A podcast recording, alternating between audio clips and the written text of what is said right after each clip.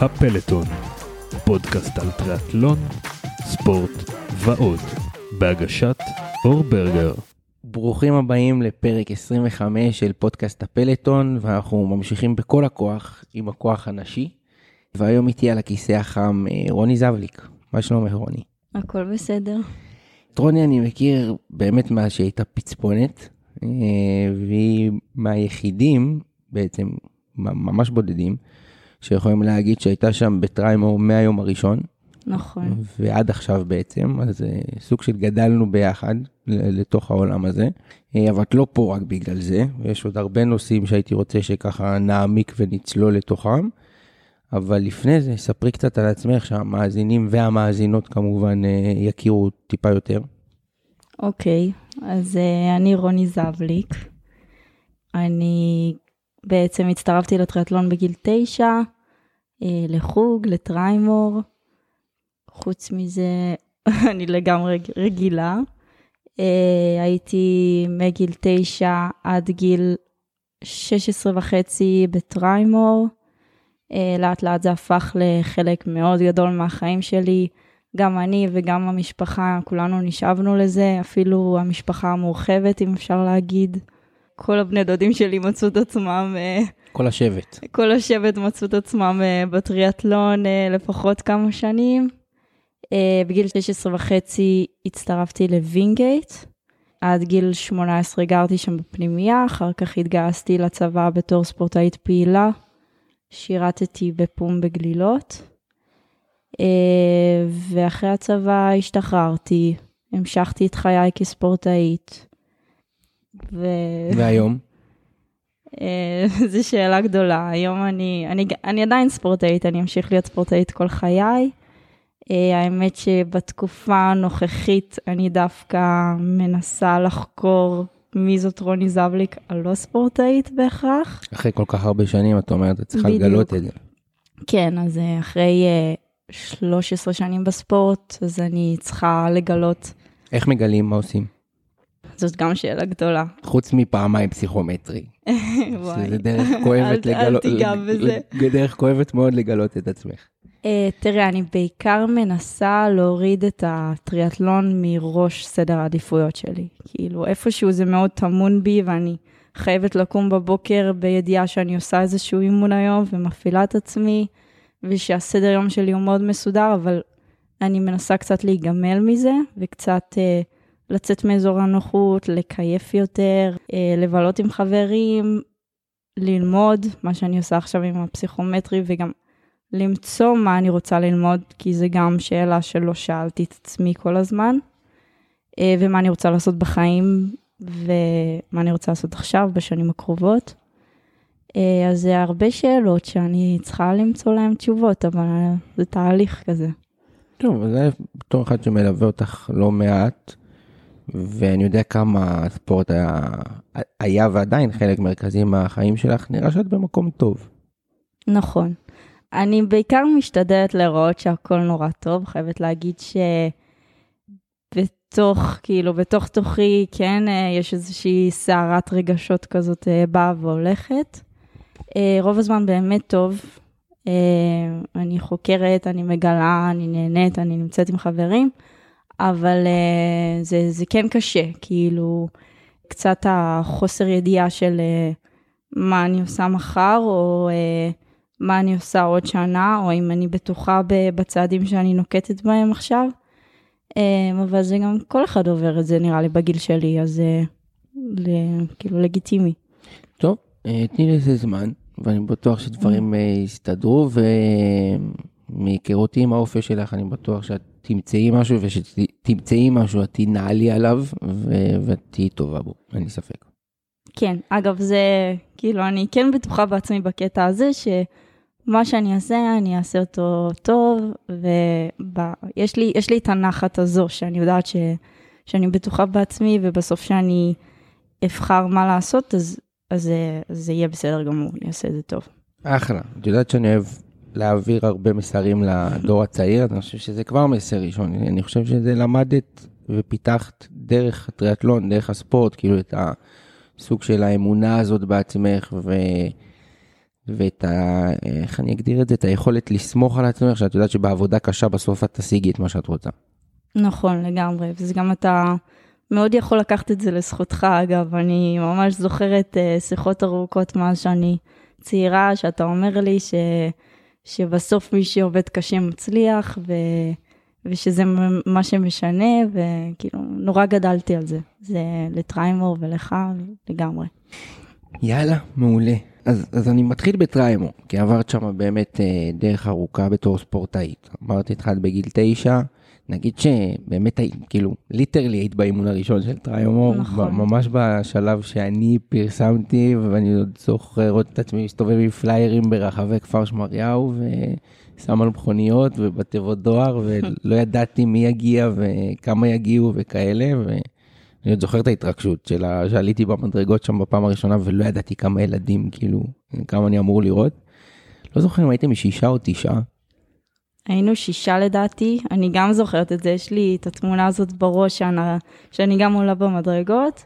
אנחנו עושים איזשהו מעגל, כאילו, זה, ואתה שואל כל אחד את השמות, ואיזה ספורט הוא הכי אוהב משלושת הענפים. אה, וכן, היה, היה איזושהי אווירה של משהו חדש, כי כשאתה מצטרף לכל חוג, אה, חוג ג'ודו וחוג זה שהם פעילים המון שנים, זה... זה פחות ככה שאתה מגיע ועושה מעגל ומכיר כן. אחד את השני. אז היה לזה איזושהי הרגשה מיוחדת. ובעצם, אה, שאמרתי בהתחלה גדלת איתנו, אז בעצם התחלת באמת כחוג אה, בגיל תשע. את, את אה, הלכת והשתפרת, ואפילו בגילאים צעירים כבר הגעת לפודיומים וכאלה. ואז נראה לי נדלקת באמת על הספורט הזה. ועברת כזה דרך לא פשוטה של הרבה משברים כאלה, נכון? של, של משברים, חלקם, אה, אני אגיד, חלקם טיפוסיים לספורטאי, יודעת שלא לא תמיד מצליחים, אבל חלקם אולי גם בגלל הצלחה בגיל צעיר, יכול להיות?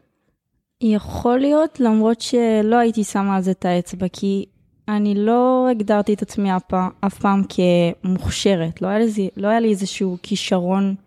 מולד נראה לי, תקן את עצמי אם אני טועה.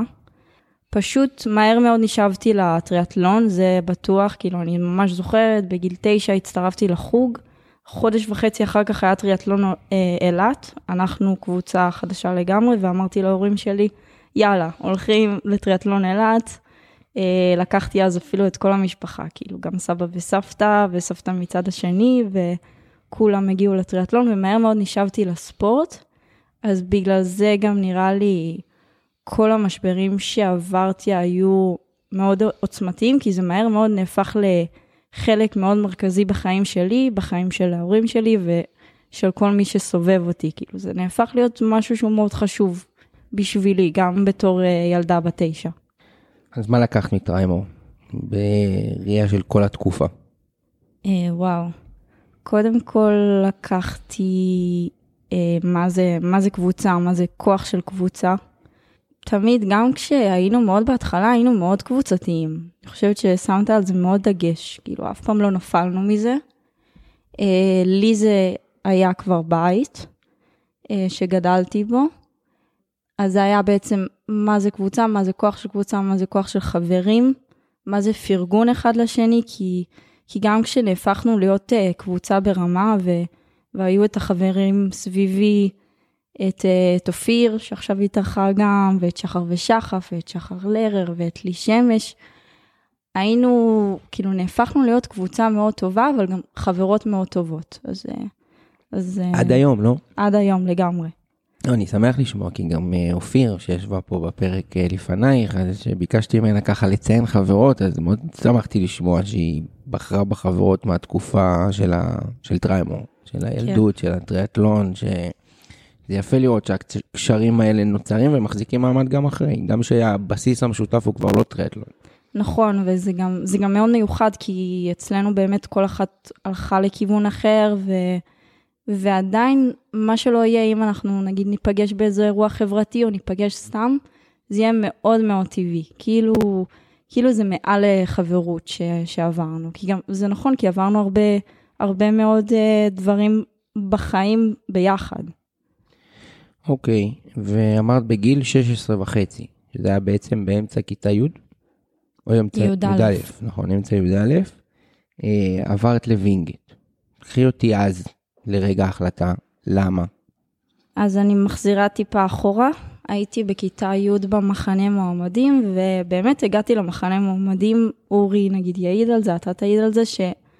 שבאתי בגישה של אני לא רוצה ללכת לווינגייט, אני באה לתת כבוד למסגרת, באה למחנה מועמדים, להיות שם שלושה ימים, וידעתי שאני לא רוצה, לא מעוניינת וינגייט, והכל טוב, וטוב לי בטריימור, וטוב לי בבית. אה, אז עשיתי את המחנה מועמדים, היה אחלה, היה כיף, אבל, אבל לא סיימתי את המחנה מחנה מועמדים בגישה של אני רוצה לעבור. עבר איזה חצי שנה, ובטריאטלון אילת ב-2017, 2017, 2016, סיימתי את התחרות, הייתה לי שם תחרות קטסטרופלית, כאילו, גם התבלבלתי ב...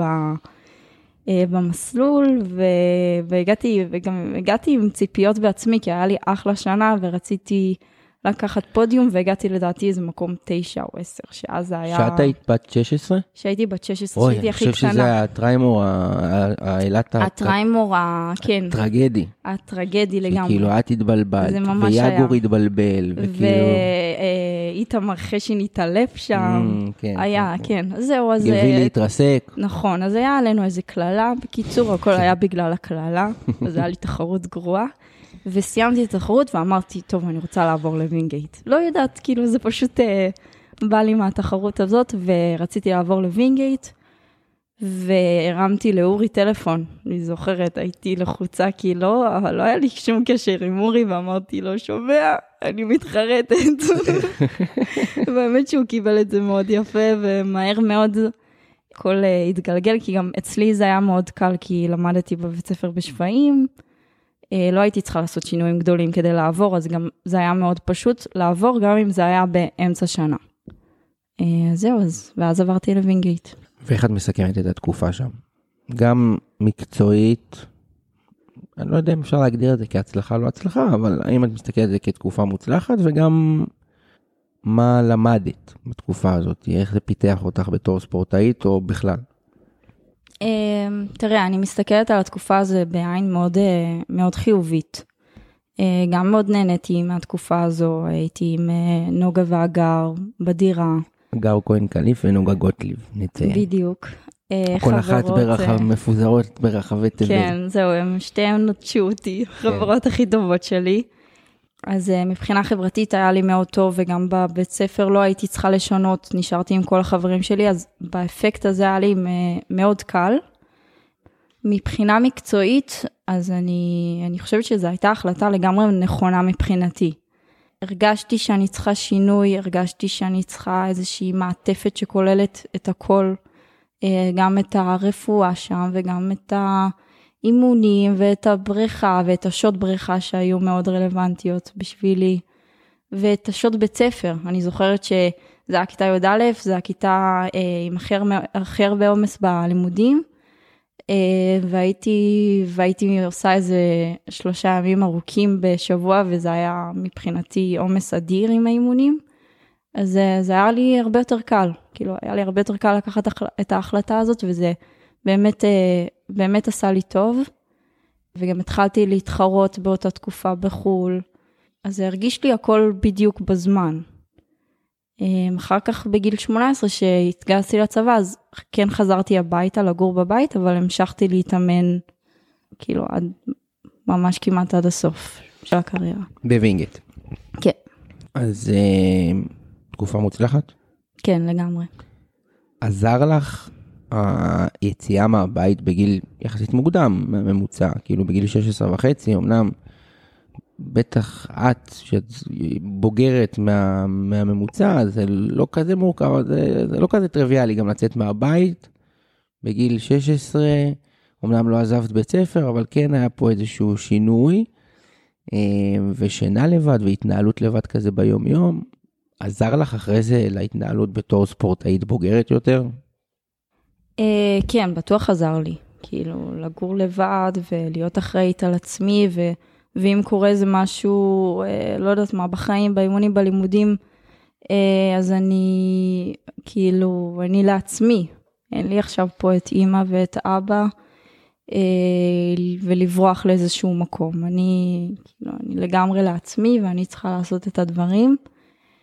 ואני חושבת שספורטאי גם צריך לדעת להיות מאוד עצמאי, כאילו, זה חלק ענק, ענקי בחיים של ספורטאי, בטח של ספורטאי עילית.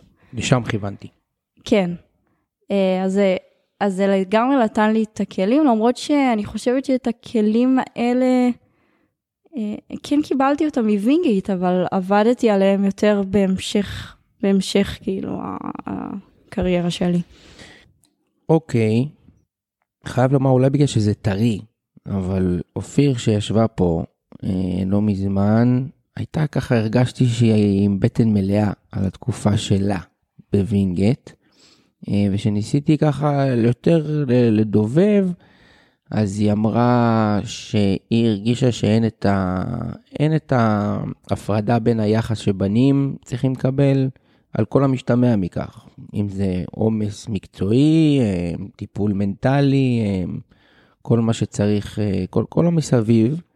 כאילו אין הפרדה מספקת בין הבנים לבנות שעובדים באיזושהי דרך אחת, תוכנית אחת, וכאילו מצפים מהבנות איפשהו להשתלב. מה את אומרת על זה? אה, אני נוטה להסכים איתה.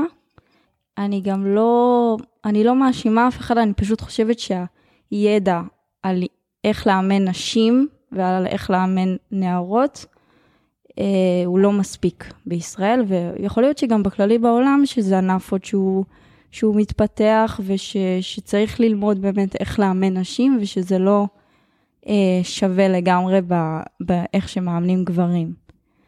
אה, וזה גם בעיה אצלנו, בפרט בענף, בפרט בארץ, שאין גם הרבה, כאילו, אין הרבה נשים בטריאטלון, ואז אתה לא תגיד, אוקיי, עכשיו אני מקים אה, אה, קבוצה רק לנשים ואני הולך להתמקד בזה, כי גם זה לא, אה, כאילו, אין הרבה נשים, אה, ואין הרבה עם מה לעבוד, הכוונה. אה, אז אני חושבת שחסר ידע, אני מסכימה איתה בקטע הזה, אבל גם אין לי תשובה של איך לעשות את זה יותר טוב. אוקיי. אני אדחוק אותך קצת לפינה עם התשובה, אבל נגיע לזה בפרק של ה... שאת מאמנת. אז כן. איך את רואה את הדברים אחרת, או עושה את הדברים אחרת, אה, אז אני אקשה עלייך שם. אז בעצם, מה קורה בשנים האחרונות? מה קורה מאז שנגיד השתחררת? אנחנו יודעים שקצת בשנים האחרונות פזלת למרחקים הארוכים יותר. נכון. אמ, זה משהו שאת אה, רוצה לעשות ככה בשנים הקרובות, לקחת אותו ברצינות, זה היה ככה הבלחה כזה לבדוק את היכולות שלך, זה היה עדיין חלק מאיזושהי בנייה אה, של העונות לקראת המרחקים היותר קצרים, לאן את לוקחת את זה?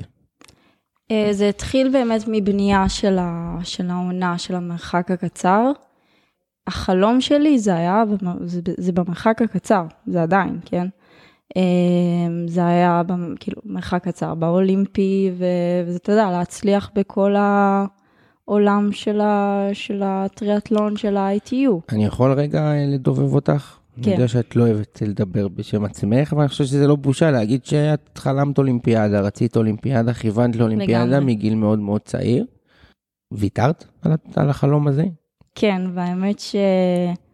כאילו, לא, לא דיברתי על זה עם אף אחד, אפילו לא עם ההורים שלי, ו... בסדר, ישב פה החבר שלך, נכון. ובדיוק דיברנו על נכון. זה שזה, עשיתי לו טיפול פסיכולוגי, אני בדיוק אה, שלחתי לו את החשבונית גם, עכשיו שאני יודע כן, את הכתובת, אז, אז... אז, אה, אז הגעתי גם לאיזשהו אז. טיפול פסיכולוגי. אז תצפי לחשבונית גם. אה, אני יכולה להגיד שבשנה האחרונה היה איזשהו תהליך של הבנתי שאני עומדת לוותר על החלום הזה.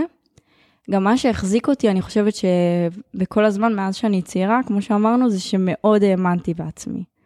ואיפשהו בשנה, אפילו בשנה וחצי האחרונות, האמונה הזו התערערה, וזה מה שגרם לי כאילו להגיד אה, stop. אבל זה משהו שהוא באמת קרה, זה מאוד טרי. כאילו, לאחרונה הבנתי, לאחרונה התחלתי לדבר על זה בקול רם, אבל זה עדיין לא בא מעצמי, זה רק אם אה, אנשים שואלים אותי. אוקיי, ולגבי התוכניות שלך, המרחקים הארוכים. אז זה היה, כאילו מבחינתי זה גם היה איזשהו טיפול פסיכולוגי, המרחקים הארוכים, כי אני מאוד אוהבת את הספורט, רציתי להמשיך בספורט, רציתי ש, שתמשיך להיות בי האש הבוערת הזאת, אז זה, זה מה שהעביר אותה בעצם, כל המרחקים הארוכים, ושזה משהו אחר, ושזה גם משהו שאני יכולה להגיד שהוא יותר קל לי ממרחקים קצרים, מבחינה אפילו פיזיולוגית, אה, שהוא בא לי יותר בקלות ואני מצליחה בו יותר טוב. אז זה, זה מאיפה זה הגיע.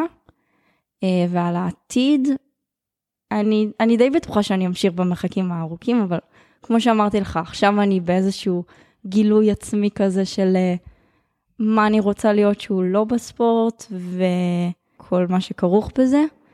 אני בטוח אמשיך להתחרות במרחקים הארוכים, אני לא, לא יודעת להגיד לך אם זה יהיה אה, באופן מקצועני או כתחביב, אבל אה, כל האפשרויות פתוחות מבחינתי בעולם הזה. כאילו זה עולם שאני רוצה בו, אני פשוט לא יודעת איפה הוא יהיה בסדר העדיפויות שלי.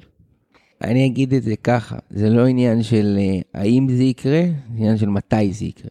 בסדר? זה לפחות מהצד שלי. אין לי ספק שאת תחזרי ותתחרי, ושאת תתחרי, את תרצי לקחת את זה מאוד ברצינות. אז השאלה אם זה יקרה עכשיו, עוד שנתיים, עוד כמה שנים. אם זה יהיה במרתונים או אם זה יהיה בחצי ואיש ברזל, אני בטוח שאת אה, תחזרי ועוד תסגרי את הפינה התחרותית הזאת שלך. זהו, את זה אני כן מסכימה. אני גם אה, מאמינה שאני גם אצליח לשבור שיאים, אה, למרות שאני כבר, שזה לא יהיה כל חיי כמו שזה היה עד עכשיו, אני כן אה, מאמינה שאני אצליח לשבור שיאים ולעשות תוצאות, ו, ואני לגמרי שואפת להיות במקום הזה שהוא, שהוא טבעי לי.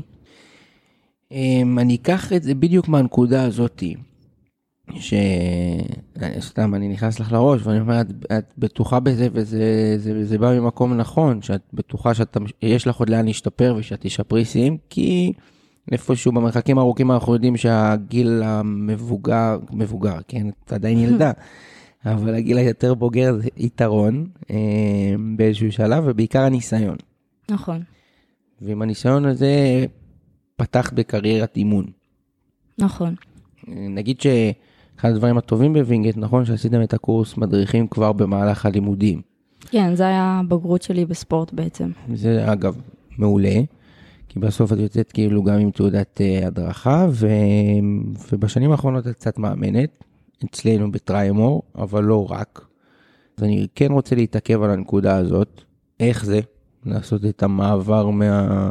מהמגרש לקווים. אה, וואו, קודם כל זה מעבר שהוא נורא כיף ונורא טבעי.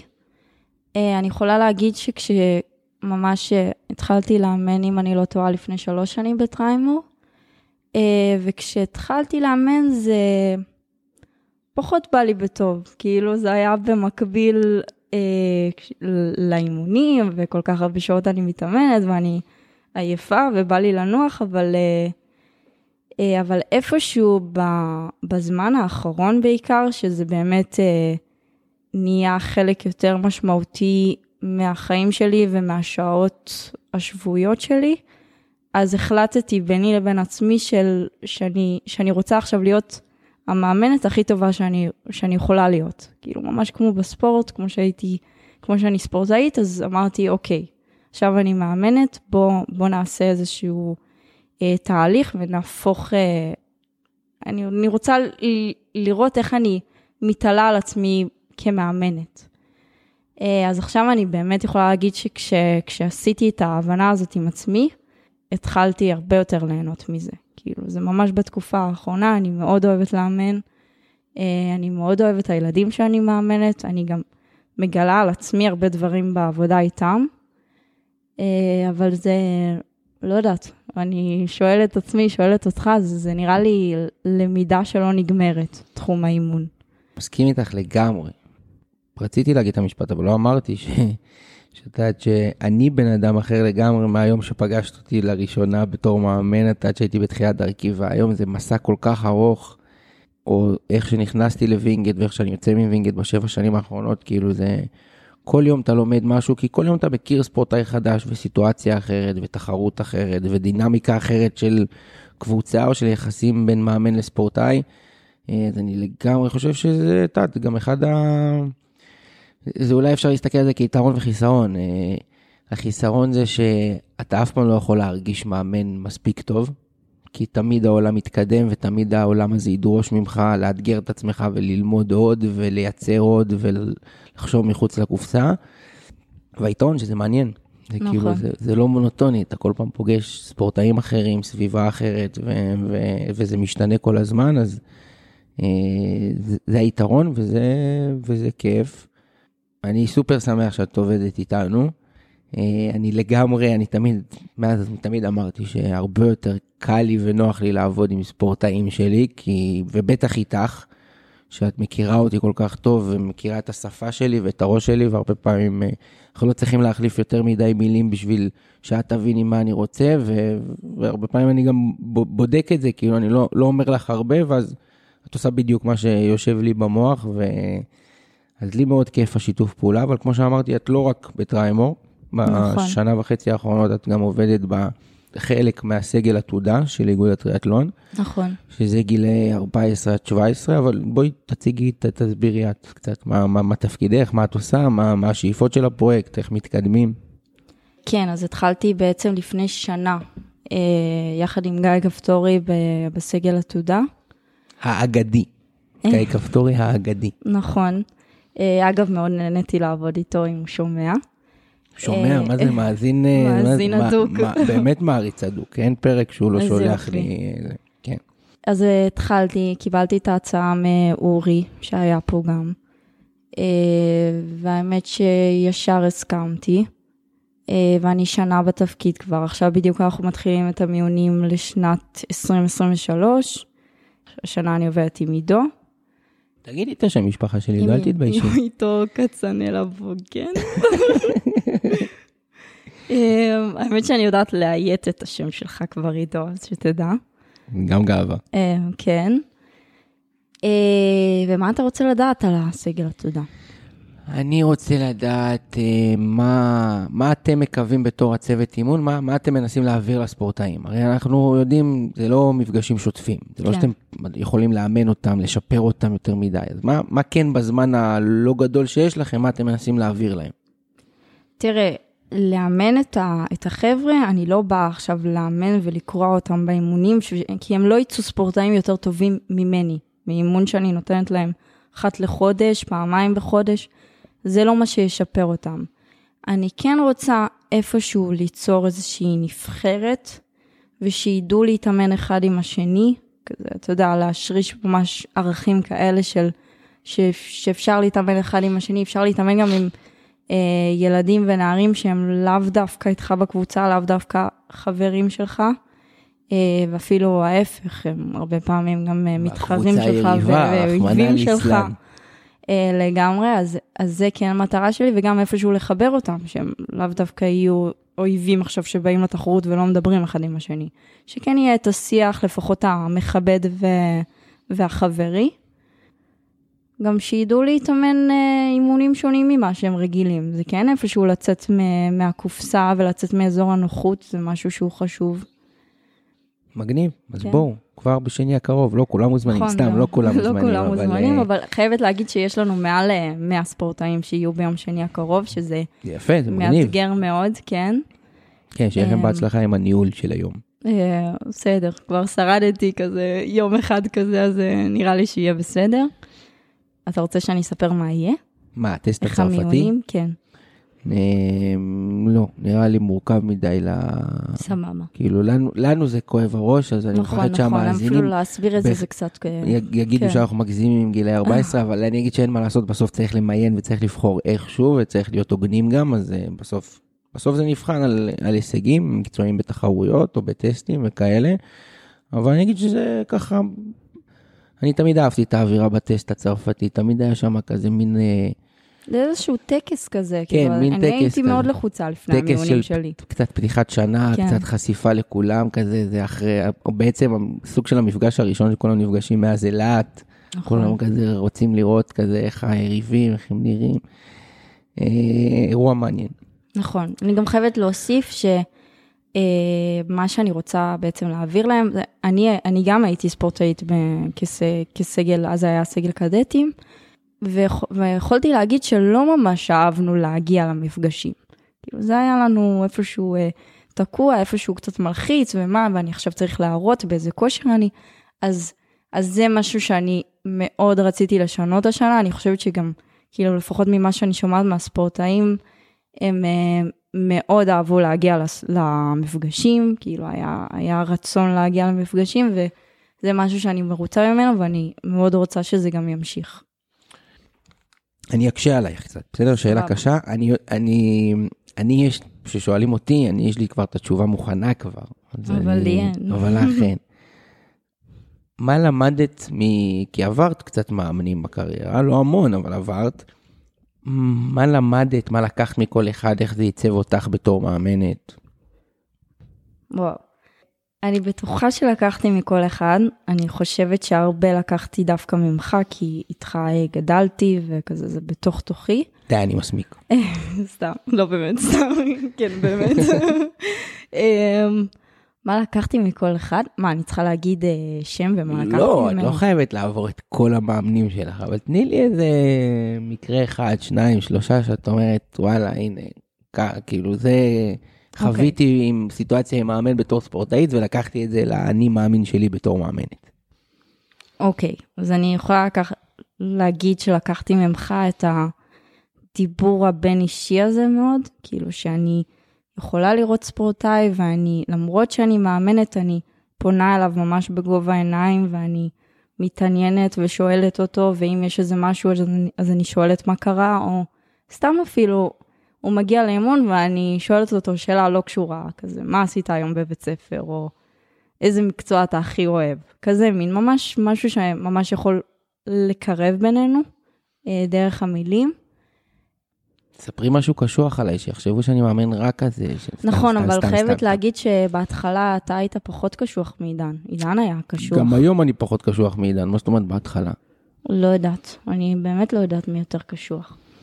עידן. קשיחות, אורי לא קשוח, אבל אה, יש לו משהו, אורי מאמן של מצפון. אבל מאוד בקרירות. כאילו הוא ב- ב- מסתכל על הדברים מאוד מלמעלה, לא לוקח... אה, לא לוקח ללב, ולא לא לוקח לוקח אישי, ללב, ולא אמוציונלי. ולי זה משהו נכון. שהוא קשה, ואני כן לוקחת את זה ממנו, שאני, שאני מנסה לעבוד על זה, כי אני חושבת שזה מאוד חשוב בתור מאמן. להיות קצת אורי, לקחת, להיות לראות אורי. את הדברים בצורה כן. שקולה יותר. כן. נו, יפה, את רואה, חילצת? תשובה. טוב, נושא שאני אני כן רוצה, כאילו, אני אתן לו שם גדול, הקרבה. בסדר? הרבה פעמים אה, זה עולה בשיחות עם ספורטאים, אבל מאוד שמחתי גם לשמוע לא מזמן ש... שאומרים, מה זה הקרבה? אני לא הקרבתי שום דבר בשביל להיות בספורט. אני נהניתי מכל, אה, מכל רגע, ו... ו... ואני לא, כאילו לא מצטער ולא מצטערת על שום דבר. אז איך זה היה מהעיניים שלך בגילאים צעירים? את יודעת שגילאים צעירים יותר, ואחרי זה, האמת שהגילאים הצעירים זה, זה שטויות. המשברים באים יותר בגילאי 16, 17, 18, שפתאום קצת העולם נפתח בפניכם, ורישיון, וחברים, ומסיבות, חברים, חברות, ו- ואלכוהול, ויותר מזה. הרגשת שאת מקריבה? לא, אני אחזור לדברים שאמרו לך, כי אני לא... אני אף פעם לא הרגשתי שאני מקריבה. היום בדיעבד אני יכולה להגיד שנתתי, כאילו, מ- מן הסתם נתתי לטריאטלון מקום מאוד מאוד משמעותי בחיי, ואיפשהו, אני, זה, קצת, זה קצת קשה להגיד את זה, אבל הקרבתי את ה, קצת את הנפש שלי. כאילו, יכולתי לחלק את הדברים אחרת או לעשות את הדברים אחרת. אה, מאוד, מאוד אה, הסתכלתי בפן ההישגי ומאוד אה, היה לי חשוב להיות טובה ולהגיע למקום ראשון ו, ולהצליח, ואם לא הצלחתי, אז מבחינתי לא הייתי שווה הרבה. וזה מה שהקרבתי לדעתי. כאילו, עד היום זה משהו שאני מאוד עובדת עליו עכשיו. כאילו, גם בראייה לאחור על הקריירה שלי, גם היום אני אומרת, וואו, לא עשיתי דברים כל כך, אה, כל כך גדולים, אז מה עשיתי בעצם?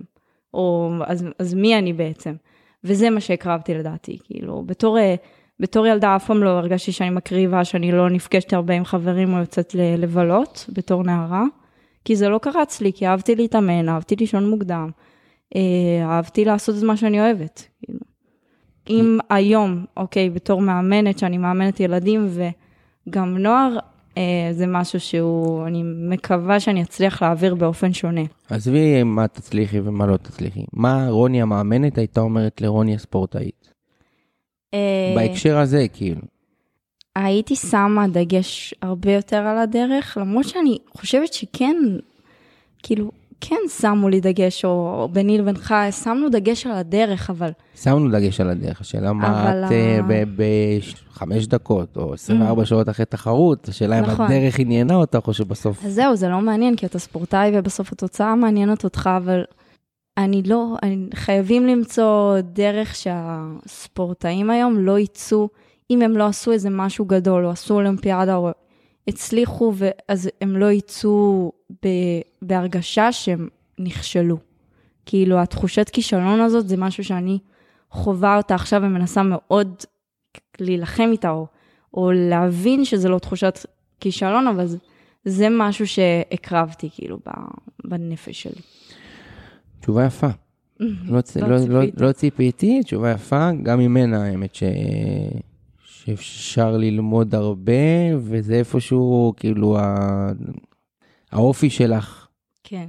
הטוטלי במובן מסוים, על זה זה נופל. כאילו, אני חושב ש- ששם לא ידעת לשחרר. זה, כאילו, זה, אני חושבת שזה... היום, הבגרות שאת מדברת היום, היא לא הייתה לך בגילאים הצעירים, וזה... זה הגיוני. היה מאוד לטוב ולרע, כי מבחינתי זה היה... אני באה לתחרות, כל תחרות, גם כשהתחרתי נגד הגדולות בענף, באתי, באתי לנצח, כאילו. כן.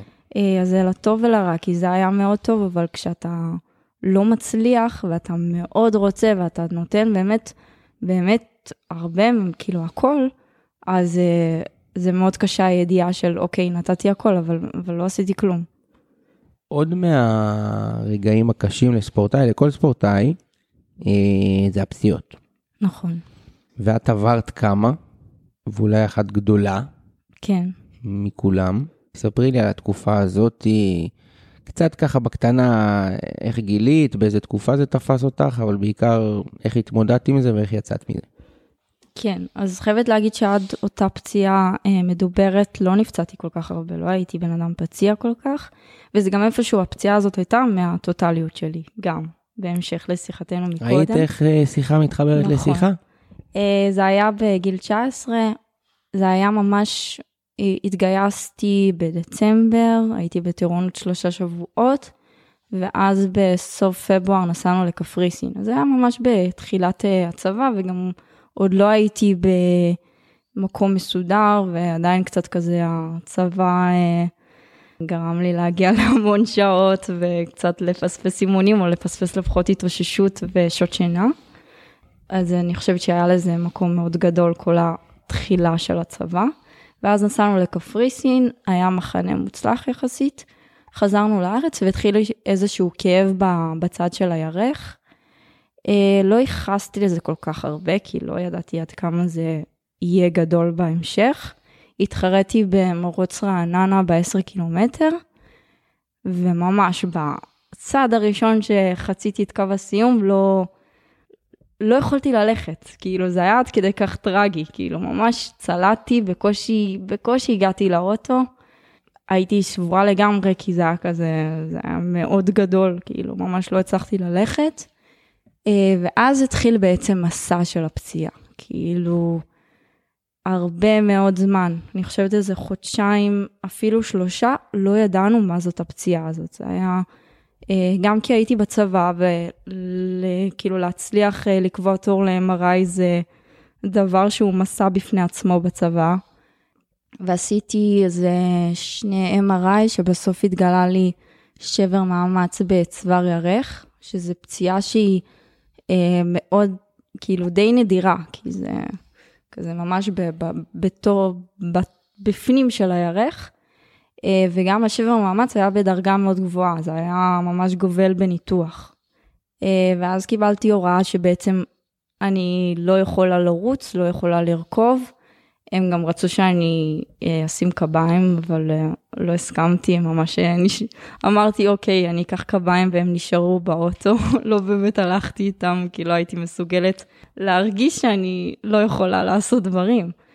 וזה גם היה פציעה בהמשך לשיחה, שזה היה פציעה מאוד גם uh, מנטלית, כאילו, פתאום לא היה לי משהו לעשות במהלך היום, וזה, וזה כאילו, זה עד היום אגב נשאר לי מאוד כצלקת, כאילו, uh, uh, זה מעלה לי בכזה הרבה אמוציות כשאני מדברת על התקופה הזאת. ואז אמרו לי, אוקיי, את לא יכולה לרוץ, לא יכולה לרכוב, אמרתי, טוב, יאללה, אנחנו, אנחנו נוסיף עוד הרבה שעות שחייה. אה, ואם אתה זוכר, באמת הגעתי, הגעתי לשם לשיאים חדשים בשעות האימון של השחייה, ממש התאמנתי כשחיינית לכל דבר, גם בהתחלה לא יכולתי uh, לשחות עם רגליים, אז הייתי שוחה עם פולי וגומי ולא יכולתי לדחוף מהקיר. אז כל הפלג גוף העליון שלי נהיה כמו uh, ג'ון בריון ו... ונעלמו הרגליים.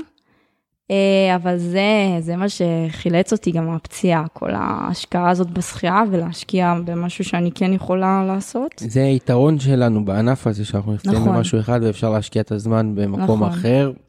גם פרקטית, מקצועית, יתרון שאתה לא מושבת, אבל בעיקר מנטלית. כי כן. אם היית צריכה לשבת בבית ולא יכולה לעשות כלום, ברור. אז בכלל היית משתגעת. ברור, אז uh, ניתבתי את כל, ה, את כל הרגשות ואת כל האמוציות באמת ל, להתמקד במה שאני יכולה לעשות, והוספתי אימוני שחייה, והוספתי אימוני כוח, uh, וזו הייתה תקופה ארוכה, זו הייתה תקופה של עשרה חודשים שלא רצתי. אה, חמישה חודשים שלא רכבתי, ואז התחלתי בהדרגה להוסיף אימוני trainer אה, ואימונים אה, במישור, ולאט לאט התחלתי להגדיל את העומסים, ובעצם זה היה ממש שנה שלמה עד שחזרתי לגמרי, כאילו, לחיים בטריאטלון. וזהו, כאילו, זו הייתה תקופה שהרגישה לי כמו נצח. החלמת? מרגישה שכאילו השארת את הפציעה הזאת מאחורייך על כל השלכותיה, גם פיזית, כאילו הגוף לגמרי נקי מזה, וגם מנטלית קצת, כי פציעה כזאת לפעמים היא קצת צורטת, אתה מתחיל לדמיין כאבים, כן. אתה מתחיל לחשוש יותר. כן, ללא ספק. אני, היום אני החלמתי לגמרי, אה, ללא ספק לקח המון זמן. גם מבחינה מנטלית, אם אתה זוכר, מאוד פחדנו להוסיף אה, קילומטראז' לאימונים, בעיקר לאימוני ריצה.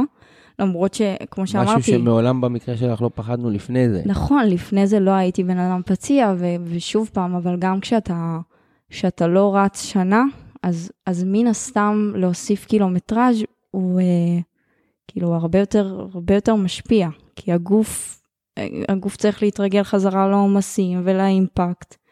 אה, אז זה היה משהו שלקח הרבה זמן להחלים ממנו, גם מבחינה מנטלית, מבחינת הפחד, אבל גם אה, מבחינה מוטורית, כאילו. אבל היום, היום כבר שמתי את זה מאחוריי, כאילו, היום גם בגלל המרחקים הארוכים אה, רצתי הרבה יותר, וכל העומסים הם אה, גדולים יותר אה, מבחינת הקילומטראז', אבל לקח, לקח הרבה זמן. אוקיי, אז גם את זה עברת. בואי נעבור לנקודה אחרת שחווית לא מה... חווית הרבה מחנות אימונים בתור ספורטאית לאורך הקריירה. נכון. אבל אני רוצה להתמקד דווקא בחלק האחרון, שיצאת למחנות אימונים קצת יותר ארוכים, לעתים אפילו בלי תאריך חזרה. נכון. אה, מה עשיתי לך? בכל מיני מקומות ובכל מיני סיטואציות, כאילו, נסביר שזה התנהלות קצת אחרת, אוקיי? של שאתה ילד, חלק מקבוצה או חלק מנבחרת, אז, אז אתה מקבל את ההנחיות כזה, אתה מגיע למחנה מאוד ספציפי, מתי הוא מתחיל, מתי הוא נגמר, איפה ישנים, מה אוכלים, כאלה, הכל מסודר לך. ובתור בוגר אתה צריך איפשהו למצוא את הדרך שלך, כי זה לא תמיד מאורגן וזה לא תמיד קבוצתי. אה, ואת לקחת את זה על עצמך בשנה, שנתיים האחרונות, ויצאת ללא מעט מחנות. אה, לבד. נכון. כאילו, מה זה, שאני אומר לבד, זה לא היית גלמודה עכשיו 24-7 אה, כל הזמן לבד, פשוט ניהלת את זה לבד, זה, כאילו, קיבלת את החלטות עם הצוות המקצועי, עם מי שהיה באותו רגע, אבל לקחת את זה על עצמך, את הניהול, להשכיר דירה, לקנות את האוכל, לנהל את עצמך, טיסות, זמנים, קונקשנים, טה-טה-טה-טה. כמה זה היה קושי מבחינתך, או שזה היה כאילו משהו שהוא כיף, קצת העצמאות הזאת להיות בוגרת ברחבי העולם? אה, זה היה כיף וזה היה קושי, כאילו, אני מצאתי את עצמי בסיטואציה שרציתי להיות בה. הייתי בזוגיות, אה, הבן זוג שלי, עומר, בזמנו גר בג'ירונה. אז, אז גם לא, כאילו, מצד אחד הייתה לי ברירה ו- ולא הייתה לי ברירה, כי מאוד רציתי גם להיות איתו. אז ניסיתי למצוא את הדרך שאני משלבת בין שתי העולמות. אז, אה, אז בעצם אה, כל, ה, כל התקופה הזאת הייתה on and off ג'ירונה. נסעתי, לא יודעת, בשנה הראשונה נסעתי לאיזה שלושה חודשים שאז היה לי יחסית נוח, כי גם שחר והחבר'ה הישראלים היו בג'ירונה והיה לי איזושהי, כן... קומונה, מה, קומונה כן, ישראלית. קומונה קראנו לה, הקומונה של ג'ירונה. אה, וזה כן היה לי נוח יחסית, כי היה לי קבוצה, ואתם גם הייתם on and off, אז, אז זה דווקא היה שנה שהיא יחסית קלה. אה, שנה אחר כך נסעתי לבד בהתחלה, ואני אגיד קודם כל שכל הבחירות כאילו היו שלי, ואני לא מתחרטת עליהן, ו, ובאמת היה כיף והיה מוצלח, אבל, אבל זה לא היה פשוט, כאילו, מהבחינה שהייתי צריכה למצוא לעצמי פרטנרים לאימונים, ועכשיו כל הקטע של ליצור קשרים בחו"ל ובמדינה זרה ובאנשים זרים שלאו דווקא גם ירצו להתאמן איתך. אה, אז זה היה מבחינתי תהליך שהוא מאוד תרם לי כספורטאית, וגם כל הקטע מסביב של הדירה וקניות וקצת אה, לחיות כ... כאישה בוגרת, ולמצוא גם איך אני מקלקלת את כל, ה... את כל הטררם הזה. וזה מאוד תרם לי גם לחיים. אני חושבת שבתקופה הזאת מאוד התבגרתי כספורטאית אה, בהבנה של אה, איך אני רוצה לנהל את הדברים ואיך אני רוצה שהם יקרו. אבל אני לא יודעת להגיד לך היום אם זה לגמרי היה מה שנכון בשבילי באותה עת. אבל אה, ת, תקני אותי אם אני טועה, זה משהו שכל ספורטאי חייב את היכולות האלה, את כן. הגמישות כן. הזאת, את הוורסטיליות של ה... לדעת לשהות תקופות ארוכות במקומות, כאילו במחנות אימונים רחוקים, כאילו לדעת שמחנה אימונים זה לפעמים, זה לא הסוף שבוע, כאילו החמישי, שישי, שבת, או השבועיים לפעמים, אלא ממש למקם את עצמך במקום אחר, להתרגל ללוז אחר, לשגרה אחרת, והרבה פעמים גם, אנחנו חושבים שמחנות אימונים, אחד הדברים הטובים בהם זה שאתה בא, שם, כאילו, נכון. eat sleep uh, train, ו- ושם זה לא, זה, זה, זה גם לא ככה. היה, זה לא אבל, לא היה בהכרח ככה. אבל של... את דואגת לעצמך, נכון. כאילו, לפעמים ה-eat, זה את מבשלת, ואת הולכת לסופר, ואת קונה, וזה קצת שונה מהמחנות אימונים שכאילו רגילים בגילאים צעירים. ובעיניי זה משהו ש... שאולי הספורטאים של פעם, יותר טובים כן, בזה. כן, והדור שלכם עוד איכשהו ככה טובים, לקחתם את המנטליות הזאתי, אבל היום לספורטאים הרבה יותר קשה. כאילו היום כשאני מסתכל על הספורטאים של היום, קשה לי לדמיין אותם עושים את זה. כאילו נכון. יוצאים לחודשיים, שלושה עכשיו בדירה משל עצמם וכולי, וזה משהו שאסור לאבד. תראה, אני חושבת שהספורטאים היום, מצד אחד לטובה, להגיד שהם... גדלים בחברה יותר גדולה בספורט, כאילו יש הרבה יותר ספורטאים, בעיקר בענף הטריאטלון מפעם, יש uh, תפוצה הרבה יותר גדולה של ספורטאים, הם מתאמנים ביחד, יש uh, מועדונים שפעם לא היה יותר מדי, אז הם התרגלו מאוד לטוב. אממה, כשאתה גודל בין 18-19, הרבה, כאילו, רוב הספורטאים פורשים ואתה אתה מוצא את עצמך לבד. ואז המסגרת ש... שיש בארץ היא לאו דווקא מספיקה, או שאם אתה רוצה לשנות משהו אין לך יותר מדי. ואז אתה באמת צריך לדעת לנהל את עצמך לבד. וכשאתה מתחיל לנסוע לתחרויות בעולם, אתה גם צריך לדעת לנהל את עצמך לבד. ולדעת שאם קורה משהו, אז אתה יכול, אה, יש לך את האומץ בעצם לפנות ל... לספורטאי שבחדר מולך נגיד, או... או לשופט כל... הראשי, לבוקר של הראשי, תחרות. נגיד. כאילו כל הכלים האלה שאתה צובר כשאתה חי לבד או אדון לעצמך, אלה, אלה דברים מאוד מאוד חשובים בתור ספורטאי מקצוען. מעולה. רוני, אנחנו לקראת, אה, לא, לא, לא, לא בסוף, אבל לקראת סיום. יש לנו פה גם עוד שאלות מהקהל, פרסמנו mm. אה, ככה לקהל הרחב, אם יש שאלות שרוצים לשאול אותך, והיה לא מעט שאלות, בררתי, יאללה, בררתי. תן ו... לי את זה. ואז אנחנו נעבור לשאלות שלי, אבל עוד לפני זה, אמ, ישבו פה, בעיקר בפרקים האחרונים, בגלל שהענף, אני אגיד, חווה טלטלה או שינויים או, או רפורמה או מהפכה במילים הנפוצות היום בציבור. אמ, אבל ללא ספק אנחנו לא במקום טוב. מה השני שקל שלך לגבי מה צריך להשתנות ומה צריך לעשות אחרת? אה, וואו, התקלת אותי. זה תפקידי. מה צריך להשתנות? מהזווית שלך, אני לא מצפה ממך להיות ראש הממשלה של הטריאטלון עכשיו, אבל את יודעת, מהזווית של הספורט הישגי, או ספורט הנשים, או מהבחינה הזאת. Uh, ספורט הישגי, אז אני חושבת, גם אני אחזור קצת על החבר'ה שהיו פה ודיברו כמו uh, אורי. Uh, אני חושבת שאומנם כן יש לנו, לספורטאים, נגיד את, את שחר, את רן, את רון, שהיו באולימפיאדה ועשו את זה, אז יש, לך, יש להם את ה... איך זה נראה ושזה אפשרי. מצד שני, הם, אני חושבת שהספורטאים היום שבעים מאוד מהר. הם לא עכשיו uh, יישארו בספורט כל כך הרבה שנים כמו שזה, כמו שזה מצריך, ואני חושבת שזה איפשהו צריך uh, למצוא את הדרך לשנות. לגרום להם להסתכל קדימה ולהסתכל רחוק ולדעת שהדבר הזה לא יקרה מחר, uh, ואולי לגרום להם גם אה, למצוא עוד איזשהו עיסוק שהם יעשו על הדרך כדי להשאיר אותם במסגרת ובספורט ובספורט המקצועני. אה, אני יודעת שלי זה היה מאוד, אה, מאוד אה, טוב וחיובי להוסיף דברים שהייתי עושה תוך כדי.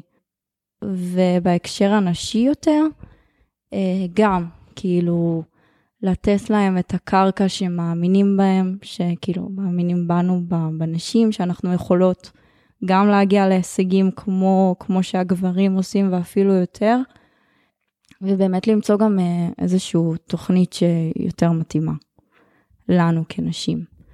אה, גם כנשים שהן מאוד ריאליות, מן הסתם אנחנו יותר ריאליות מהגברים. אה, אה, אה. ואנחנו, אין מה לעשות, שאנחנו לא מגיעות להישגים, או שאנחנו רואות שאנחנו רחוקות מה, מהרמה העולמית, זה, אה, זה, זה, זה מפריע לנו יותר, אני חייבת לומר, כי, כי אנחנו מאוד ריאליות, אנחנו רוצות להצליח בדברים אחרים, אנחנו מגיעות לגיל צבא ואומרות, אוקיי, אני, אני, ההבדל שלי לבין להיות uh, ספורטאית uh, ברמה גבוהה הוא, הוא, הוא גדול, אז, אז אני אלך עכשיו ואני אשרת בתפקיד משמעותי, או שאני אעשה משהו אחר שהוא משמעותי, כי אנחנו יודעות שאנחנו יכולות להיות, uh, להטיב ב, בהמון uh, תחומים אחרים. את אומרת פה משהו של, לא, לא, לא, לא עוד תכננתי להיכנס אליו, אבל את אומרת כאילו בנות בגיל צעיר, לעומת בנים בגיל צעיר, נכון. כאילו יש להם את היותר vision, את טווח לגמרי. ארוך, כאילו יותר מתכננות את הצעדים קדימה, ואם הן לא רואות את, ה, נכון. את העתיד, אז הן כאילו שוללות את זה הרבה יותר מהר מאשר בנים שרואים יותר את הכאן ועכשיו, וכאילו, או, או יותר חולמים וכאילו חסרים, כן. כאילו פחות מציאותיים כאלה. כן, אני אומרת דבר אחד שהספורטאים היום, מצד אחד יש להם את הנקודת מבט של הספורטאים שלנו, שחר, אה, רן ורון שעשו את זה. מצד שני, הם לא רואים את ה...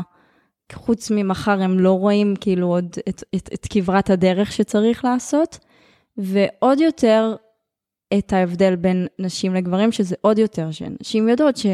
שאני אני מרגישה כאילו על עצמי או על החברות שלי, שתמיד ידענו שאנחנו יכולות כאילו למצוא את עצמנו ולהצליח בתחומים, בתחומים נוספים, ואז, ואז הראייה הזאת של את לא מצליחה או את לא תגיעי, והחוסר אמונה הזאת גורמת לך, גורמת לך לעשות את המעבר.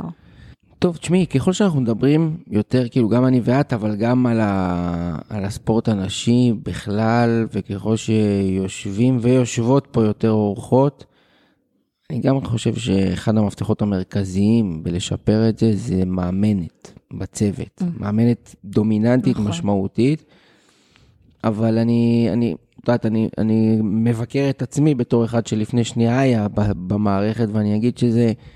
זה, את יודעת, זה לזרוק סיסמאות. צריך מאמנת, צריך בת בצוות, צריך אישה בצוות, זה, זה סיסמאות. צריך יותר בנות, וצריך בנות איכותיות ובנות ש, שרואות את עצמן גם בתור מאמנות לחיים. את יודעת, כמו שאני, כמו שאורי, כמו שכפתורי, כמו שכל הקולגות שלנו מסביב, הכרזנו שזה העבודה שלנו.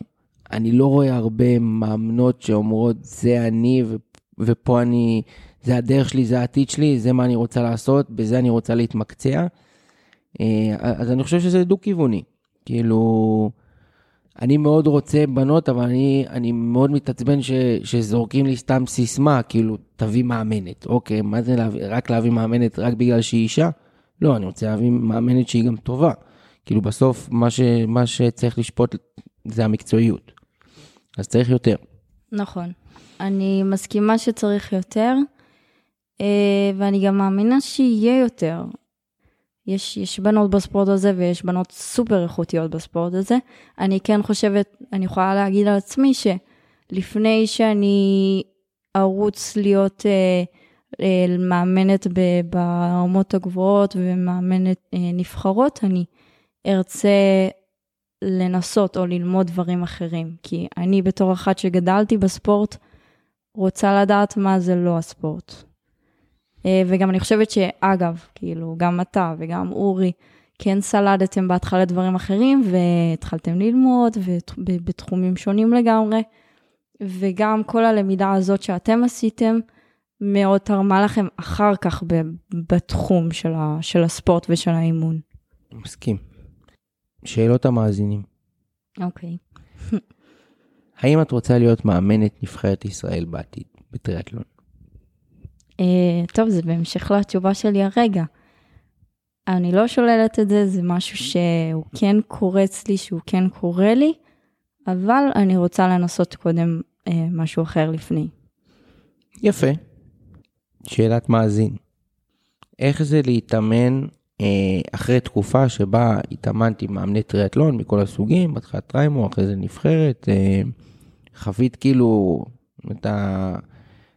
לא מעט מאמני טריאטלון מה, מהמובילים בארץ, ואז עברת למאמן שהוא במקור מרכיבה. נכון. שעשה הסבה לטריאטלון, יותר מרחקים ארוכים.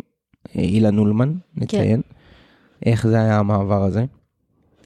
אה, זה מעבר מעניין, זה גם לעבור להתאמן אה, עם ספורטאים שהם יותר חובבנים כביכול.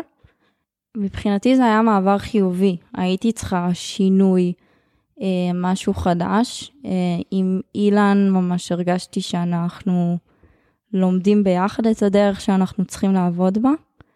אה, ועד היום, כאילו, אנחנו, זה סוג של מסע כזה של למידה אחד על השני, כי גם אני התחלתי להתאמן אצלך, ובעצם כמעט את כל קריירת הספורט, כאילו, כמעט כל, ה, כל הזמן שהייתי בקריירה התאמנתי תחתיך. וזה לי, לעבור להתעמת תחת מישהו חדש שאני לא מכירה, אז זה גם אה, מין אה, תהליך שצריך להכיר אחד את השני נטו בין אדם לבן אדם. אה, ועוד יותר כשהוא מאמן שלך, אז צריך אה, קשר אישי מאוד מאוד אה, חזק, כולנו יודעים את זה. אז אני חושבת שזה היה תהליך, גם ליצור את הקשר שלי האישי עם אילן, וגם למצוא את הדרך שלנו כמאמן ומתאמנת. וגם, וגם כמו שאמרתי, להתחיל להתאמן עם, עם ספורטאים שגדולים ממני מינימום בעשר שנים, שחייבת להגיד שזה היה, שזה עדיין חוויה שאני מאוד אוהבת, כאילו, אני לומדת דווקא המון מהספורטאים האלו, שיש להם דברים בחיים, יש להם קריירה, יש להם ילדים, ו... ובכל זאת עושים את הדבר הזה במאה אחוז שלהם. וזה משהו שאני מאוד רוצה לרכוש בעצמי. הקטע הזה. אה, זהו, סיפק אותך? כן. ארוכה מדי לשאלות קצרות. סתם, סתם, סתם. אה, רגע בקריירה, רגע הסיטואציה, התחרות, שאת מצטערת עליו, שהיית חוזרת ועושה משהו אחר. בטיזי, אה, היה לי אחלה תחרות בגמר. איזה טיזי? טיזי 2018, לפני אליפות אירופה. אוקיי. אמ, אני אגיד שטיזי זה אתר שאני מאוד, מאוד אהבתי להתחרות בו, זה תחרות של חצי גמר וגמר. אה, ועליתי לגמר והייתי ממוקמת בריצה במקום שהוא טוב, זו תחרות שהיא מאוד נחשבת ברמה מאוד טובה בנוער. הכי מפורסמת, הכי ותיקה, הכי מפורסמת בסבב. והייתי ממוקמת מקום 14 בריצה, והיה לי פנלטי. ולא עצרתי בפנלטי כי לא ראיתי שיש לי פנלטי, ואורי לא אמר לי שיש לי פנלטי. בקיצור, זו נקודה מאוד כואבת עד היום. אוקיי, זה בדיוק הנקודה שחיפשתי, נקודה כאילו שיושבת כן, עליי. ולא, ולא עצרתי, ואני יכולה, כאילו, זה לגמרי אחריות שלי כספורטאית לראות שיש לי פנלטי, אבל בקיצור, היה, ש... היה שם איזושהי טעות, ולא עצרתי בפנלטי, ואני עד היום פסולה מהתחרות הזאת, וזה מאוד מבאס לראות את זה ב... בדף שלי ב-ITU. את ה-DNF הזה. כן, אוקיי, שימי לב, זו השאלה הכי קשה שהגיעה מהמאזינים. יאללה. תבחרי ספורטאית או ספורטאי אחד או אחת שהיו ה-best partner שלך לאימונים לאורך השנים. וואי, אני אגיד uh, תשובה שאתה אולי לא, ת... לא תצפה, אבל נראה לי שחר למן. וואו, לא ציפיתי. נכון. שחר למן, למה? כאילו, יש כמה, זה ממש לא, זה ממש לא נעים לי, כי גם עם נוגה מאוד אהבתי להתעמל ועם הגר, ו, ו, אבל עם שחר למן, כי... כי... שחר למן. שחר למן, כי גדלנו ביחד אגב, אז זה היה מאוד טבעי, היינו חברות מאוד טובות, והצלחנו להתאמן מאוד טוב, כאילו מעטים המקרים שהיה בינינו איזושהי ריב, או כאילו איזושהי מריבה במהלך האימון, אני זוכרת מקרה אחד כזה באימון שבת בבני ציון, אם אתה זוכר, היית צריך להפריד בינינו אפילו. מה, היה כמעט מכות? היה מכות, כמעט. היה מכות, זה היה גם לפני אילת, אז כזה היה אווירה מתוחה. אה, אבל עם שחר למן, הכי אהבתי להתאמן, חד משמעית. וואי, מרגש. נכון, היא תתרגש, היא תשמע את זה בתאילנד. בתאילנד או איפה שהיא לא נמצאת כן. בעולם, את אומרת. טוב, יפה. רוני, אמ, זה היה שאלות המאזינים ובררתי. אוקיי. אמ, בפינת החדשות החמות אין לנו יותר מדי, כי אנחנו ככה בתקופת אה, מעבר, לכן מילאתי את הפילה בפיקנטריה. אוקיי, שתי שאלות. כאילו ש... שאלה אחת ועוד חוויה אחת, אבל נתחיל מהשאלה. עכשיו את יושבת בכיסא, את לא, כבר לא הספורטאית, את החברה של הספורטאי. אוקיי, היה לך שניים כאלה, ציינת את עומר גולדשטיין מקודם, שהיה רוכב, והיה גם, ליווית אותו בעצם, שהוא היה כזה בשיאו, לא? נכון, עדיין חייבת להגיד שהוא, נראה לי עוד הוא מחכה עדיין לו השיא. בשיאו, אוקיי. ואחרי זה רן שגיב. כן, נכון. סליחה, הבטחתי לו שאני אשאל. רן. שגיב, עכשיו רן שגיב. ספרי לי איך זה גם, כאילו, גם להיות ספורטאית וגם ללוות ספורטאי, וכל אחד בתחומו היה עילוי. נכון. אה, כן, יצא ש... שאני יוצאת עם ספורטאים מאוד מוצלחים.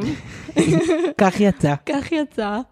אה, חייבת להגיד שלהיות אה, שני ספורטאים אה, בבית ולחלוק את זה, זה, זה די קשה, כאילו אפילו מטורף. תראה, זו למידה שלא נגמרת, כאילו, אתה לומד על, ה, על הבן אדם בצד השני, כאילו, איך הוא, איך הוא מתמודד עם הספורט שלו בעצם, ולקחתי מזה הרבה, אני בעצמי למדתי אה, אז עם עומר ועכשיו עם רן. אני, אני כנראה אוהבת להיות, אה, לחלוק את חיי עם ספורטאי, למרות ש, שרן עכשיו פרש וזה אפילו עוד יותר זהו. זו השאלה הבאה, זה איך זה להיות עם ספורטאי אולימפי אחרי פרישה. זה יכול להיות אה. לפעמים רגעים לא פשוטים. א', זכיתי, חייבת להגיד, זכיתי. כפרה עליכם. אה, ולחוות את זה, אה, אני חושבת שספציפית עם רן זה, זה, זה הרבה יותר טוב, כי רן אה, היה ספורטאי מאוד טוטאלי, ואני לא חושבת שהיה לי מקום בחייו כשהוא היה ספורטאי. אה, וגם הוא זאת אומר אומרת, את זה לא היה עובד, כאילו את ורן, שרן ספורטאי ואת ספורטאית, זה לא היה עובד המערכת יחסים ביניכם. עד כמה שאת אה, מכירה את עצמכם עכשיו. נכון, זה לא היה עובד. מעניין. כן. יפה. טוב, בכל מקרה, אנחנו קוראים פה לרן להמשיך לעבוד ולהשתדרג ולשפר את נכון. עצמו כל יום. כל נכון. יום, כי... שלא לא יחשוב שמקומו מובטח, תגידי לו. אתמול, אתמול הוא עשה לי ארוחה רומנטית, או, חייבת או, לומר. בוולנטיינס. זה היה מהמם בוולנטיין, אוי. למרות שאנחנו לא חוגגים אה, חגים של גויים, אבל- פשוט חגגנו את האהבה שלנו. איזה קיצ'ים אתם למשהו. אוי ואבוי לי. רוני, לפני השאלות הקצרצרות של הסוף, היית בארגנטינה וואו, בפאקינג זכייה במונדיאל. נכון. כמה קיניתי בך? תני לי אני באיזה... קיניתי בעצמי, חייבת לומר, אני הייתי שם והרגשתי שאני לא, שאני בחלום, כאילו, איך זה הגיוני שאני שם? כאילו הסתדר לך הכל ב- כל משמיים. הכוכבים הסתדרו לי הגעת בשמיים לשם לגמרי. כאילו בדיוק כשארגנטינה עלתה על הגל כאילו של ההצלחה, כי בהתחלה התחיל לא טוב, ואז היית שם בכל המשחקים נכון. המכריעים, כולל בגמר, כולל. בכל החגיגות. ממש. מה, מה, תספרי לנו, תכניסי אותנו לא בפנוכו. אה, טוב, אז אני אגיד שנסעתי... זה כל המדינה? זה כל המדינה כאילו סביב זה? זה כל המדינה, זה, זה מרגיש כאילו יותר מכל המדינה נמצאת שם. אה, נסעתי לבקר את אח שלי, הוא בדיוק היה בסיום הטיול שלו, את אח שלי התאום. נציין זה, שפספוס נציין. גדול בעולם פספוס הטריאטלון. גדול בעולם הטריאטלון, פוטנציאל אדיר. כתם שמן. אה, כתם שמן ערוך בטריאטלון נס ציונה, קטע- לו את הקריירה. נס ציונה או כפר שמריהו? נס ציונה, אה, לא, אנחנו אוקיי. לא נכפיש את כפר שמריהו. לא. חלילה, חלילה. אה, בקיצור, אה, אז נסעתי לבקר אותו יחד עם אימא שלי וסבתא שלי, והאמת שלא חשבתי יותר מדי, אני לא אוהדת לא לא מונדיאל. תכננת את הטיול הזה לא לארגנטינה בגלל תכננתי כי המונדיאל או המונדיאל משהו קורה. כזה. אה, אבל לאט לאט ראיתי שארגנטינה עולה ככה, אז כן התחלתי קצת אה, יותר לצפות ולקוות שהם יעלו. אה, הגעתי לשם איזה יומיים לפני החצי גמר, אה, שראינו את החצי גמר, וזה היה חצי גמר קל וזה היה אדיר, זה היה איזה 2-0 אני חושבת. שלוש נראה? 2-0 נראה לי. אבל זה היה ניצחון קל, בוא נגיד את זה ככה. התחלתי לטעום מהאווירה, כאילו כבר אז היה שם מסיבה ברחובות, וראינו את זה, את שני המשחקים, אה, גם את החצי גמר וגם את הגמר, בכיכר גדולה, שכולם ראו את זה שם, היה ממש איזה שלושה מסכים ענקיים, וראיתי את זה שם עם אה, כל, ה, כל המדינה בעצם. וזה היה חבירה, חוויה אדירה באמת, והגמר, כשלא נגיד אה, אולי הגמר הכי גדול בכל ההיסטוריה של המונדיאלים. זה, את לא צריכה שהייתי- לציין את זה בזה, זה הגמר הכי גדול. זה- נכון, זה אולי משחק הכדורגל הגדול בכל הזמנים. כן, אז, אה, אז באמת הרגשתי שאני בחלום, כאילו להיות במשחק כזה, ועם, זה, זה גם, זה יותר מספורט בשבילם, זה, זה, זה החיים שלהם. אתה. רואה אנשים בוכים, צוחקים, כאילו סערת רגשות, ואת כל זה אתה חווה עם האנשים שם. כאילו, את כל הרכבת הרים הזאת. שרק נציין מדינה במצב כלכלי מאוד מדינה, מאוד מאוד ממש, קשה, משבר גדול. אינפלציה שם כן. כאילו גועשת. לקח אותם לחודשיים של שיכרון חושים. ממש. אז, אה, אז אתה, אתה נדבק גם, כאילו, בחוויה הזאת. כאילו, אתה הופך גם להיות חלק מהרכבת הרים הזאת. וזה הופך מהמוצ'צ'וס, כן. מהמוצ'צ'וס. חייבת להגיד שאני יודעת את כל המילים של כל השירים של המוצ'צ'וס. אם הייתי ממש רוצה להביך אותך, הייתי לא, מכריח לא, אותך אני לא לשיר. אשאיר את זה פה. אה, אבל זה פשוט מסיבה אחת גדולה. כאילו, כל הרחובות, וממש שלושה, אני חושבת שזה היה שבוע שלם של חצי גמר גמר וגביע שהגיע. ימים מטורפים. אני אזכור את זה לכל החיים. איזה כיף, כן. איזה כיף. כמה קינה, כמה קיניתי בך באותו רגע. רוני, שאלות קצרצרות. כן. השאלה שאת מוכנה תגיד. אליה. לא, אני לא לא התכוננתי. ארוחת ערב, מסעדה, אם מישהו חי או מת? מת. נו, תמיד מתחילים עם המת. היא מת עם אה, סבא שלי מצד אבא שלא הכרתי. וואו. כן. שמעת עליו הרבה בטח. שמעתי עליו הרבה, למרות שלא יותר מדי, וזה עוד יותר מסקרן אותי. מגניב. וחי. חי? עם רן? רן, אכלתי איתו אתמול, נו, יא מסכן, משעממת. הוא כמו עגבניה בטח עכשיו. אה, לא יודעת, אני אוכלת כל הזמן עם האנשים שאני רוצה לאכול. כל. מי שאת רוצה, את יכולה לקבוע איתו ארוחת ערב מחר, בערב. כן. כן? עם מי שאני לא, עכשיו לא חברה שלו, אני לא אגיד עכשיו מישהו שאני, לא יודעת, זה לאכול ארוחת ערב זה אינטימי, אתה רוצה עם מישהו שיהיה לך כיף. בסדר, רוצה גם עם מישהו שיסקרן אותי. הייתי מת לשבת לארוחת ערב עם ביבי, כאילו לשמוע מה, מה, מה קורה, כן? מה קורה. כן, באחד על אחד, מה קורה? כאילו, אף אחד לא שומע. לא יודעת, אין לי מה לענות לך על זה. רן. וואי וואי, הוא נתן לו הנחיות מהבית, אני רואה. כן, כן. אה, דיברנו על ספרים. ספר שאת ממליצה? top 1?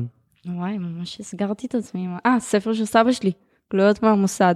הופה, עכשיו ב... חיכיתי שתגידי, תעברי לסבא נכון. השני.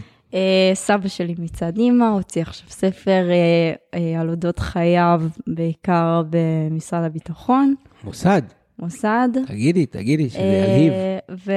וסופר מעניין. למרות שאני לא אובייקטיבית, אני באמת, גם כאילו אנשים שאני מדברת איתם, מאוד מאוד מעניין, מאוד כיף לקרוא. אה, אני אישית קוראת את זה כאילו סבא שלי מקריא לי את זה, אבל אה, שזה עוד יותר כיף, אבל ספר מעולה, באמת. מרתק. יעד אהוב לחופשה. פריז. תחרות הכי מרגשת שהייתה לך בחיים. תחרות הכי מרגשת, האמת, להגיד את האמת, עכשיו את האיירון מן בטבריה. כן? כן. הכי מרגש שהיה לך. הכי מרגשת, למרות כאילו תחרויות גדולות יותר שהייתי, דווקא פה המקומי בטבריה, ו... כי פשוט אספתי את כל הרגשות והאמוציות. של לה... התקופה הזאת. של התקופה הזאת לגמרי. מגניב, את רואה, הפתעת אותי. נכון. תחרות מאכזבת. תחרות מאכזבת. אחד מהטריאטלון אילת, כאילו, טריאטלון אילת לדעתי המדובר הוא ב-2016. איזה סופש כן. טרגי. מחנה, כאילו יעד למחנה הכי אהוב. ג'ירונה. ג'ירונה? עד היום, כן. עד היום. אין, ג'ירונה יש בה קסם. ג'ירונה, אני אחזור לג'ירונה חד משמעית. יפה. רוני, שאלה אחרונה. כן. איפה את עוד עשר שנים מהיום? וואי, אני מנהלת של איזו חברה גדולה, מצליחה, עם משפחה, ארבעה ילדים, תאומים ועוד אה, שני בנים. הכל אצלי מאוד מתוכנן. וואו, זה מסורטט אפילו, מה זה מתוכנן? זה יותר מתוכנן. כמו שאני גדלתי. סתם, ואני אשת קריירה. ורן בלופ. רן, אל תלחיץ אותו. לא, הוא רוצה להלחיץ אותו, זו המטרה, הוא יודע שהוא צריך לכוון לתאומים וכאלה, הוא מודע להכל. עוד לא הגענו לדבר על זה. אוקיי. רוצה שאני אעשה, אקח אותו לשיחה? אה, לא, תשאיר את זה לנו, אנחנו מסתדרים אחלה. סבבה, סבבה. נראה שאתם מסתדרים טוב. כן. טוב, רוני, עוד משהו קטן להוסיף? לא. אמרת המון, ואני חושב שהיה פרק מלא ו- וכיפי, בעיקר נהניתי, אמרתי לך בהתחלה שאנחנו נהנה. נכון. אני מקווה גם שעניינו, ובעיקר, כמו שחשוב לי, שנעביר איזשהו מסר הלאה, גם אם זה לספורטאים, בעיקר לספורטאים הצעירים, אבל גם uh, מעבר. Uh, אז אני מאוד נהניתי, ולשמחתי במקרה שלך, יוצאת מהחדר עכשיו, ומחר אנחנו נפגשים במחנה. היום, היום עוד ניפגש. היום עוד לא ניפגש, כן. ומחר במחנה טריימור בצפון, אז יש לנו דרך ארוכה ביחד, ו... וכיף, היה כיף לי לאמן אותך, וכיף לי לעבוד איתך, ואין לי ספק ש... שאנחנו עוד נבלה דרך ארוכה ביחד. תודה רבה. תודה לך על הטיפול. על הטיפול, החשבונית בדואר. אה, וזהו, תהנו, תשתפו, ואנחנו פה בשבילכם. אז אה, המשך יום טוב לכולם, ושוב, תודה רבה.